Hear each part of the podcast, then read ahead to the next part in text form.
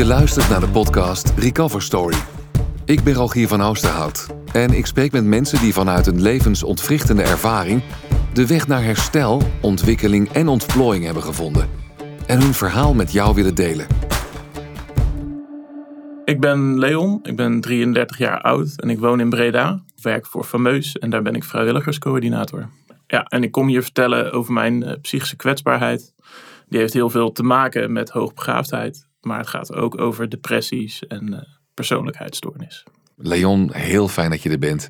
Hoe is het voor jou om uh, jouw verhaal zo via een podcast te delen? Ik vind het wel spannend. Fijn om mijn verhaal te kunnen vertellen en te delen met de wereld. Maar het spannende zit er maar in dat um, er gaan ook mensen dit horen die dicht bij me staan en die kunnen daar wat van vinden. En daar zit wel een stuk spanning. Ja. Ja, kan wel iets bij voorstellen. Laten we hopen dat ze vooral heel trots op je zullen zijn straks. Dank je. Ja, ja ik hoop het ook. Laten we eens bij het begin beginnen, Leon. Kun je me iets vertellen over hoe en waar je bent opgegroeid?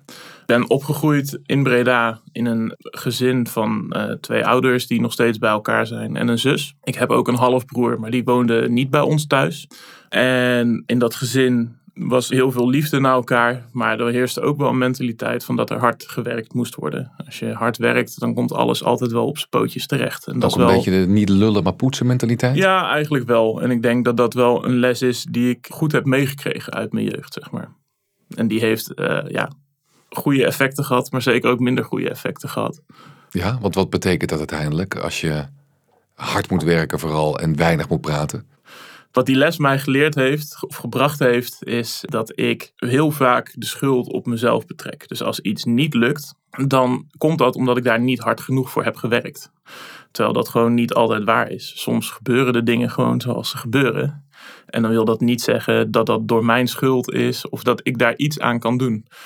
En dat heeft heel lang geduurd voordat ik die gedachte inmiddels kan hebben, in plaats van dat ik daar schuld aan heb. Of dat ik daar dan niet hard genoeg voor gewerkt heb, zeg maar. Ja, wat heeft er dan voor gezorgd uh, voor je gevoel dat je die gedachte als eerste hebt? Dat je eerst de oorzaak bij jezelf zoekt? Nou, dat zit hem daarin, zeg maar. Uh, als je hard werkt, dan lukt het. En de tegenstelling daarvan is dus, als het niet lukt, heb je niet hard gewerkt. En zo kun je alles op jezelf betrekken. En dat, dat deed ik dus ook veel als kind. Als, als iets niet lukte, dan lag dat aan mij. Het was ook wel de boodschap die ik meekreeg hoor, vanuit huis. En dat is niet dat ze dat zo bedoeld hebben, maar als ik wat vertel over mijn, mijn jeugd, zeg maar, ik ben best wel gepest op school. Als ik daarmee thuis kwam, dan zei mijn moeder ook van ja, maar dan moet je gewoon een keer een klap teruggeven. Oftewel, ik vertaalde dat dan als, ja, dat is jouw schuld dat je gepest wordt. Want jij komt niet voor jezelf op. Als, als jij een ander een keer een map verkoopt, dan word je niet meer gepest. Maar ik wilde een ander geen map verkopen. Dus was het mijn schuld dat ik gepest werd. Zo vertaalt dat zich dan in mijn hoofd eigenlijk. En waarom werd je gepest, eh, als ik vragen mag? Uh, nou, dus bij mij, toen ik vijf jaar oud was, is er getest uh, op hoogbegaafdheid. Dat, dat is toen ook vastgesteld. En die testen zijn eigenlijk gedaan omdat ik snel al kon lezen uh, toen ik vijf jaar oud was. Maar ook weinig aansluiting had bij leeftijdsgenootjes. Ik was liever in gesprek met, uh, met de juf op school dan, dan met mijn klasgenootjes. En thuis was ook heel veel ja, onbegrip over en weer, zeg maar. Dus we, we, leken haast op een soort andere golflengte te zitten. Ik stelde heel veel vragen, ik was heel nieuwsgierig. Nou, ik weet dat, men, dat dat af en toe ook heel vervelend is voor mensen. Ja. Maar ja, ik, ik, aan alles merkte ze wel van, hey, er, er is iets met die jongen waardoor dat hij ja, gewoon net even wat anders functioneert dan de rest eigenlijk. En uh, daar ben ik dus op getest. Vervolgens hebben ze mij besloten dat ik dan, om me niet te vervelen op school, groep 3 en groep 4 in één schooljaar zou gaan doen. Na dat eerste half jaar, groep 3, heb ik dus heel veel alleen moeten werken, heel veel geïsoleerd gezeten, want ik moest al het schoolwerk van dat jaar in een half jaar doen. En dat had soms ook wel tot gevolg dat kinderen buiten gingen spelen en dat ik dan in de klas in mijn eentje nog rekenwerkjes zat te maken bijvoorbeeld. Dus best wel geïsoleerd al op jonge leeftijd toen had ik daar heel erg de balen van en, en uh, was ik daar ook wel verdrietig om. Maar ja, als ik daar thuis dan mee aankwam, dan was het van ja, maar dat moet, je moet nu hard werken, want je moet over na de kerstvakantie naar groep 4. Want dat is wat, wat goed voor je is, zeg maar. Wat dat betreft is het gezin waar ik dan in opgegroeid ben, blinkt niet uit in, uh, in hun emoties tonen of bespreken met elkaar. Nee. En je ouders zullen natuurlijk naar eer en geweten en beste kunnen eh, hun kinderen hebben op. Zeker, ja, 100 procent. Het is geen twijfel over of mijn ouders zeg maar, niet van me houden of zo. Nee, dat, dat weet ik zeker. Alleen we begrepen elkaar gewoon heel vaak niet. En dan is het heel lastig als je bijna haast een soort andere taal spreekt of zo. En dat je niet over kan brengen aan elkaar wat je nodig hebt. Of wat je nou wil van die ander. Ja, dat is ook lastig als je zo jong bent natuurlijk. Hè? Zie je het maar zonder woorden te brengen. Ja, uh, sowieso wat je voelt is al lastig in woorden te vangen vaak. Ja, klopt. Ja, ja en zeker als dat dan... Ja, als, als daar niet de ruimte voor is om daarover te praten. Of als dat eigenlijk wordt, wordt weggewuifd. Zeg. Ja. Ik, ik kwam als kind heb je emoties sowieso niet onder controle natuurlijk. Dus ik kwam regelmatig huilend thuis uit school. Maar dan werd gezegd, ja, huilen lost niks op. Dus waarom zou ik dan nog huilen, zeg maar? Of waarom zou ik dat laten zien? Ik kan me voorstellen dat het voor mijn ouders ook ontzettend moeilijk is geweest, die periode. Ehm, er wordt hun verteld, dit is wat er moet gebeuren voor die jongen. Je gaat daarin mee als ouder vanuit je beste intenties. En vervolgens merk je dat je kind daar eigenlijk helemaal niet gelukkig mee is. Ja, dat, dat, dat moet ontzettend lastig voor ze zijn ja, geweest. Natuurlijk is dat een gevecht voor je ouders. Ja. ja. Nee, ik, ik hoor heel duidelijk aan jou dat je zegt: ik twijfel op geen enkele manier aan de intentie van mijn ouders. Nee, hè? Die, nee. Dat is het echt niet. Maar het is misschien wel de verkeerde aandacht, onbedoeld weliswaar, geweest ten opzichte van wat ik nodig had. Ja, ja zeker. En dan heb je je waarschijnlijk ook best wel eens alleen gevoeld, al jong. Ja, ja.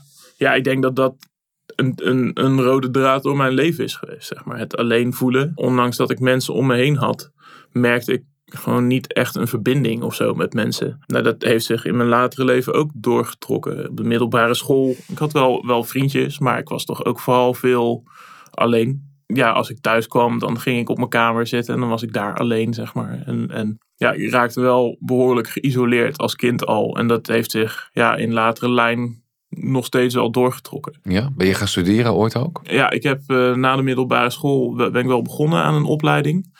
Uh, maar niet af kunnen maken. Ja, dat heeft ook vooral te maken met dat ik de opleiding dan eigenlijk niet uitdagend genoeg vond. En me daar dan ook moeilijk toe kon zetten om bepaalde dingen te doen. Uiteindelijk door basisschool, middelbare school had ik ook gewoon echt een hekel gekregen aan school en onderwijs in, in zijn algemeenheid, zeg maar. Ja. ja, dat is geen leuke periode geweest voor mij. En nog steeds, uh, als ik daaraan terugdenk, dan, dan ja, word ik daar wel verdrietig over hoe dat uiteindelijk allemaal is gegaan. Op het moment dat jij het over jouw uh, studie- of schoolperiode hebt, dan, dan lijkt het alsof er zich een brok in je keel vormt. Ja, ja een beetje wel. Ja, ja. En wat is het precies wat je zo raakt nog altijd? Wat me raakt is dat ik denk dat als ik daar mezelf beter had begrepen of beter had kunnen uitdrukken wat er speelde, of als dat door iemand anders was gezien in die periode, dat me dan een hele hoop ellende bespaard was gebleven. Dat je niet op tijd echt begrepen bent. Ja. Of, ja. Ja. ja, en dat ik dat zelf ook niet, niet door had, zeg maar. Ik had zelf ook niet door wat er nou gebeurde of wat er nou anders was aan mij, waardoor dat, dat niet werkte, zeg maar. En uiteindelijk, toen ik met behandelingen begonnen ben bij de GGZ, toen ben ik weer opnieuw getest. En toen kwam dat hoogbegaafdheidstuk ineens weer helemaal naar voren. En ben ik heel veel over mezelf gaan leren ook. En over hoe ik in elkaar zit en werk. En daardoor kan ik van alles terugleiden uit die tijd van, oh, maar dat was gewoon wat er aan de hand was. En ineens valt alles veel te laat voor je gevoel misschien, maar wel op zijn plek. Ja, ja, ja, ik ben mezelf wel veel beter gaan begrijpen daardoor. Wat is eigenlijk hoogbegaafdheid? Nou, het, hoogbegaafdheid is ja, dat je hersenen eigenlijk op een andere manier werken. Als je het heel simpel wil uitleggen, is dat gewoon wat er aan de hand is. En er is nog heel weinig onderzoek naar gedaan. Ongeveer bij 2% van de mensen komt het voor dat ze sneller schakelen op een bepaalde manier. Of op een andere manier naar de dingen kijken. Zit ook een stuk hooggevoeligheid, komt daar ook bij kijken. Dus dat je alles om je heen waarneemt. En dan, ja, ik leg het soms uit met als ik in een ruimte zit en ik zie dan ergens een stofje dwarrelen, dan zie ik dat stofje ook dwarrelen en mijn hersenen moeten dat ook verwerken. En dat is dan weer zeg maar één input van die dag geweest. Zeg Ah, maar. ja. Staan bij jou de kleuren hoger, de geluiden harder, eh, dat? Ja, eigenlijk wel. Ja. Ja. En dat stofje moet ik verwerken. En dat ik dan daar ergens een kabeltje zie bijvoorbeeld. Dat, dat zie ik en neem ik waar. En dat komt binnen. Ja. En dat, dat maakt het soms best moeilijk. Ik raak daar ja, behoorlijk overprikkeld van af en toe. En ik moet daar ook wel echt op een bewuste manier weer rust van nemen om die Precies. prikkels af te vloeien. Dus jouw focus wordt heel erg verdeeld over meerdere elementen, zeg maar. Ja, ja eigenlijk wel. Jij bent uiteindelijk gelukkig ook wel in herstel gegaan. Hè? Ja. Je, zegt, je maakte toen straks al een begin door te vertellen dat je een behandeling bent gestart ergens. Ja. Kun je iets vertellen over dat verloop? Ehm, door het werk wat ik uiteindelijk deed en het vele thuiszitten, ja, raakte ik ook in een depressie terecht. Ik vond het steeds moeilijker om mezelf te motiveren om iets te doen. Nou, uiteindelijk is die baan dan ook opgehouden. Zat ik nog meer thuis, nog meer alleen. Nou, en dat ging steeds slechter met me eigenlijk. En toen is er een punt gekomen dat ik besloot van het moet anders. En mijn depressies gingen ook wel gepaard met, met suicidaliteit. Best wel heftige gedachten over. En ook af en toe uitingen aangegeven aan die gedachten. En op een gegeven moment was, was ik zover van ja, nu, nu moet het gebeuren. Want ik ben er echt helemaal klaar mee. En toen besloot ik op dat moment, had ik toch nog een heldere ingeving van... Nee, ik moet eh, mijn ouders bellen. En ik had helemaal niet veel contact met hun. Want ja, ik kreeg van hun vaak niet de steun die ik nodig had. Maar ja, ze, ze zijn mij toen opkomen halen. En toen eh, heb ik een tijdje bij hun gezeten. En ze hebben me eigenlijk ja, gered op dat moment. Wauw. B- eh, Was je zo helder van geest dat je hen eerlijk hebt verteld wat je voelde toen op dat moment? Nee, dat niet. Ik heb, ik heb ze aan de lijn gehad en gezegd: ja, het gaat echt helemaal niet goed. Kun je me alsjeblieft komen halen? Ja, gewoon letterlijk de vraag gesteld. Ja, ja en toen, eh, toen wel daar in huilen uitgebarsten. En toen hebben ze de huisartspost gebeld. En uh, een dag later naar onze eigen huisarts toegegaan. En zo is het eigenlijk aan, ja, aan, aan het rollen gekomen. En, en toen ben ik in behandeling gegaan. Wat voor behandeling heb je toen gekregen? Ik uh, heb cognitieve gedragstherapie gehad. En daarnaast uh, heb ik ook nog gesprekken gehad met een uh, verpleegkundige op dat gebied van hoogbegaafdheid. Zij was daarin gespecialiseerd, dus zij heeft mij heel erg uitgelegd. Uh, maar daarom werken jouw hersenen anders dan bij een ander mens. En daarom komt zoiets bij jou veel heftiger binnen dan bij iemand anders. Eindelijk echte begrip. Ja, zeker. Ja. Wat heeft je het meest geholpen trouwens? Als je dan kijkt op jouw behandeltraject, wat is het meest van waarde geweest? Nou, in het behandeltraject is uiteindelijk is dat later pas aan bod gekomen. Wat mij het meest heeft geholpen. Dat heeft mij wel heel erg geholpen. Ik heb ook uh, gesprekken met een ervaringsdeskundige gehad tijdens mijn behandeling. Uh, dat heeft me ook heel erg geholpen. Daar zit ook weer eigenlijk hetzelfde stukje. Iemand die jou ziet voor wie je bent. Niet jou behandelt als je bent die diagnose of dat is waar je last van hebt. Maar gewoon echt met jou in gesprek gaat. Dat heeft me heel erg geholpen. Dat gezien worden daarin. Maar ook wat mij tegenhield tijdens die eerste therapie dat was nog steeds de overtuiging van, maar ik moet het wel heel goed doen. Dus ik deed oefeningen met mijn therapeut. En dan had dat niet het effect wat dat moest hebben. Maar dat durfde ik dan niet te zeggen. Want nog steeds zat bij mij in mijn hoofd ingeprent. Ik moet wel hard werken. En als ik, het hard, als ik hard werk, dan, dan doe ik het goed. Het, ja. En als ik niet hard genoeg werk, dan komt het niet goed. Dus dan ligt het aan mij dat het niet goed gaat. Dus als zo'n oefening dan niet werkte voor mij, dan kon ik niet zeggen: ja, nee, ja, ik voelde hier niks bij of dat deed ik niet. Zeg maar, dat durfde ik niet toe te geven. Dus uiteindelijk is die therapie afgesloten en ik heb er een hoop van geleerd. Maar ik had niet 100% bereikt wat ik wilde bereiken eigenlijk. Doordat ik mezelf en ook de uh, therapeut daarin wel nou ja, voor de gek houden klinkt dan haast naar. Maar dat is uiteindelijk wel wat er gebeurde, zeg maar. Uiteindelijk uh, raakte ik terug in een depressie na mijn behandeling. Dan ben ik weer uiteindelijk aangemeld bij de GGZ. En heb ik besloten om bij Fameus een cursus te gaan doen. En die cursus heeft mij heel veel uh, geleerd. Dus de cursus herstellen doe je zelf. En die draait heel erg om eigen regie vinden en eigen kracht. En dat is inmiddels zo verweven in mijn leven, zeg maar, dat dat. Ja, ik zou, ik zou niet meer zonder kunnen. Het eigen regie gaat heel erg over dat er gebeuren altijd allerlei dingen. En daar heb je geen invloed op, want die gebeuren nou eenmaal. Alleen hoe ik daarmee omga, ja, daar, daar heb ik wel degelijk invloed op. Ja. Als ik me slecht voel, dat kan. Maar wat ik daar dan mee doe, ja, dat is aan mij. Ik kan ervoor kiezen om iets in te zetten waardoor ik me beter ga voelen. Of ik kan het me laten overkomen en in dat slechte gevoel blijven hangen. Nou, daar heb ik een voorbeeld van, van hoe dat uh, zich uitte een keer. Ik had namelijk net bij therapie een evaluatiemoment gehad. En dat was niet goed. Er werd gezegd van ja, je komt niet bij je gevoel. Uh, het lukt niet om verder te komen dan dat je zou moeten. Dus nou, daar voelde ik me al behoorlijk slecht over. Ehm, die avond had ik met wat vrienden afgesproken. En ook dat uh, ja, verliep gewoon niet prettig. Ik was niet aanwezig met mijn gedachten. Ik merkte gewoon dat ik me echt heel ellendig voelde. En ik zag wat ik op dat moment aan het doen was, echt als mijn laatste hoop om een beter leven te krijgen voor mezelf. En dat lukte dus niet. En ehm, ja, dat falen daarin, dat, dat versterkt dat dan heel erg. Uh, en ik fiets terug uh, naar huis die avond en ik merkte gewoon, oh, het gaat echt niet goed. Ik zat in mijn hoofd weer met suïcidale gedachten. En denk, nee, ik, nu kan ik dus kiezen wat ik hiermee ga doen. En toen heb ik mijn beste vriendin gebeld. Ik zei, zou je alsjeblieft aanstaande zondag langs willen komen? Uh, gewoon wat spelletjes doen, samen koken. Maar ik heb echt behoefte aan iemand die even gewoon bij me is. En ze zei, ja, dat is prima. Ik, ik kom. Ik ben er voor je. En um, die zondag was echt een hele gezellige, fijne dag. Het was echt, er was gewoon even niks aan de hand die dag. En toen is bij mij het kwartje gevallen van, ah, zo werkt het dus. Op het moment dat ik ervoor kies om iets in te zetten hè, in mijn gereedschapskistje van dingen die ik kan doen om me beter te laten voelen, dan ga ik me beter voelen. Uh, en er zijn meer dingen. Ik kan niet altijd opbouwen dat iemand er op dat moment voor je kan zijn natuurlijk.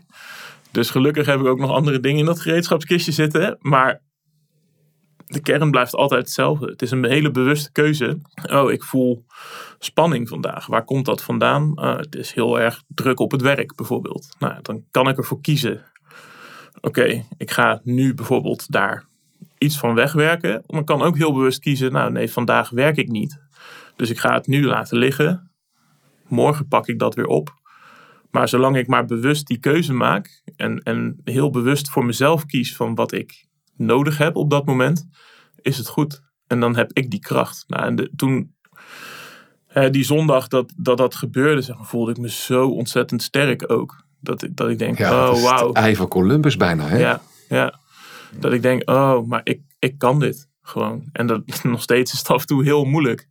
Maar ik moet zeggen, zeker de laatste, laatste half jaar, laatste maanden, is dat gevoel zo sterk toegenomen. Van, ah, maar ik, ik heb die kracht. Als ik maar bewuste keuzes maak in mijn leven, dan heb ik de regie en dan gaat het om mij. Ik merkte bijvoorbeeld, vorig jaar heb ik uh, aan het einde van het jaar een kleine terugval gehad. Weer in een depressie geraakt.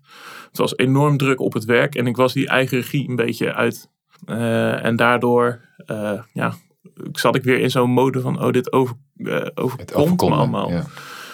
eigenlijk is dat een klassieke slachtofferrol. Nou, op het moment dat ik weer door had van, oh ja, weet je, uh, maar ik heb hier wel de kracht over. Toen is het eigenlijk weer als een speer vooruit gegaan met me. Hoe, hoe komt dat bij jou dan binnen? Want je moet dat weten te keren. Hè? In mijn geval zou het een briefje op de koelkast kunnen zijn, bij wijze van spreken. Ja. Hè? Hoe doe jij dat? Dat je herinnerd wordt aan die, het vermogen dat je zelf de regie hebt? Nou, ja, voor mij is het voordeel. Ik werk nu bij Fameus. En wordt de hele dag aan herinnerd. Ja. ja, nou ja, bijna wel. Ja. Weet je, het is ook de boodschap die ik uitdraag naar de vrijwilligers uh, die ik begeleid of die, waar ik, waar ik uh, mee zit. Weet je, op het moment dat jij kiest om iets op een bepaalde manier te doen, dan is dat goed. En wat dan de keuze ook is, zolang je die bewuste keuze maar maakt, dan ga je daar voordeel van hebben. Ja. He, zodra je loskomt uit dat alles je maar overkomt, ja, dan, dan zul je merken dat je met stappen vooruit vliegt in je herstel. Zo is het voor mij in ieder geval wel. Ja. In jouw geval is het echt uh, letterlijk, je moet opstaan als je ergens mee zit. Ja, ja en, en het, zo werkt de wereld ook. Hè? Hoe jammer het soms is dat, dat voor jezelf opkomen nou eenmaal een, een groot goed is. Uiteindelijk is dat wel de kern, denk ik, waar, waar het voor iedereen belangrijk is. Ik denk dat ontwikkeling is zeker een, een mooi ding maar ontwikkeling als doel op zich, dat, dat is niks natuurlijk. Nee, dat is niks. Je moet kunnen genieten ook van wat je aan het doen bent en wat je uiteindelijk aan het bereiken bent. En wat ik graag mee zou willen geven is dat die kracht die zit in iedereen. Daar ben ik van overtuigd. Want ik zie mensen om me heen die zijn echt uit hele diepe dalen gekomen. Ik heb zelf echt hele diepe dalen gekend. En ik ben nu gewoon bezig met fantastisch mooi werk. Ik heb hele lieve vrienden om me heen. Ik heb mijn familie nog steeds om me heen. Het gaat echt goed met me. En kan voor het eerst in lange tijd ook zeggen dat het echt goed met me gaat. En ja, die, die kracht, dat weet ik zeker, die heeft iedereen. En dat is niet makkelijk. En dat is ook niet iets dat dat in één keer goed gaat. Dat blijft gewoon heel hard werken. Maar uiteindelijk kunnen we dat allemaal, denk ik. Op het moment dat je ergens mee zit en de eerste stap maakt om bij iemand aan te geven dat je ergens mee zit, ja, dan ben je aan het klimmen. Dan gaat het vooruit. Ik hoop dat heel veel mensen naar jou luisteren en uh, hiermee het setje hebben gevonden om uit die stoel op te staan en aan die klim te gaan beginnen. Ja. Dankjewel Leon dat je hierover wilde spreken. Graag gedaan. Dit was Recover Story. Deze podcast kwam tot stand door Fameus en werd mede mogelijk gemaakt door gemeente Tilburg.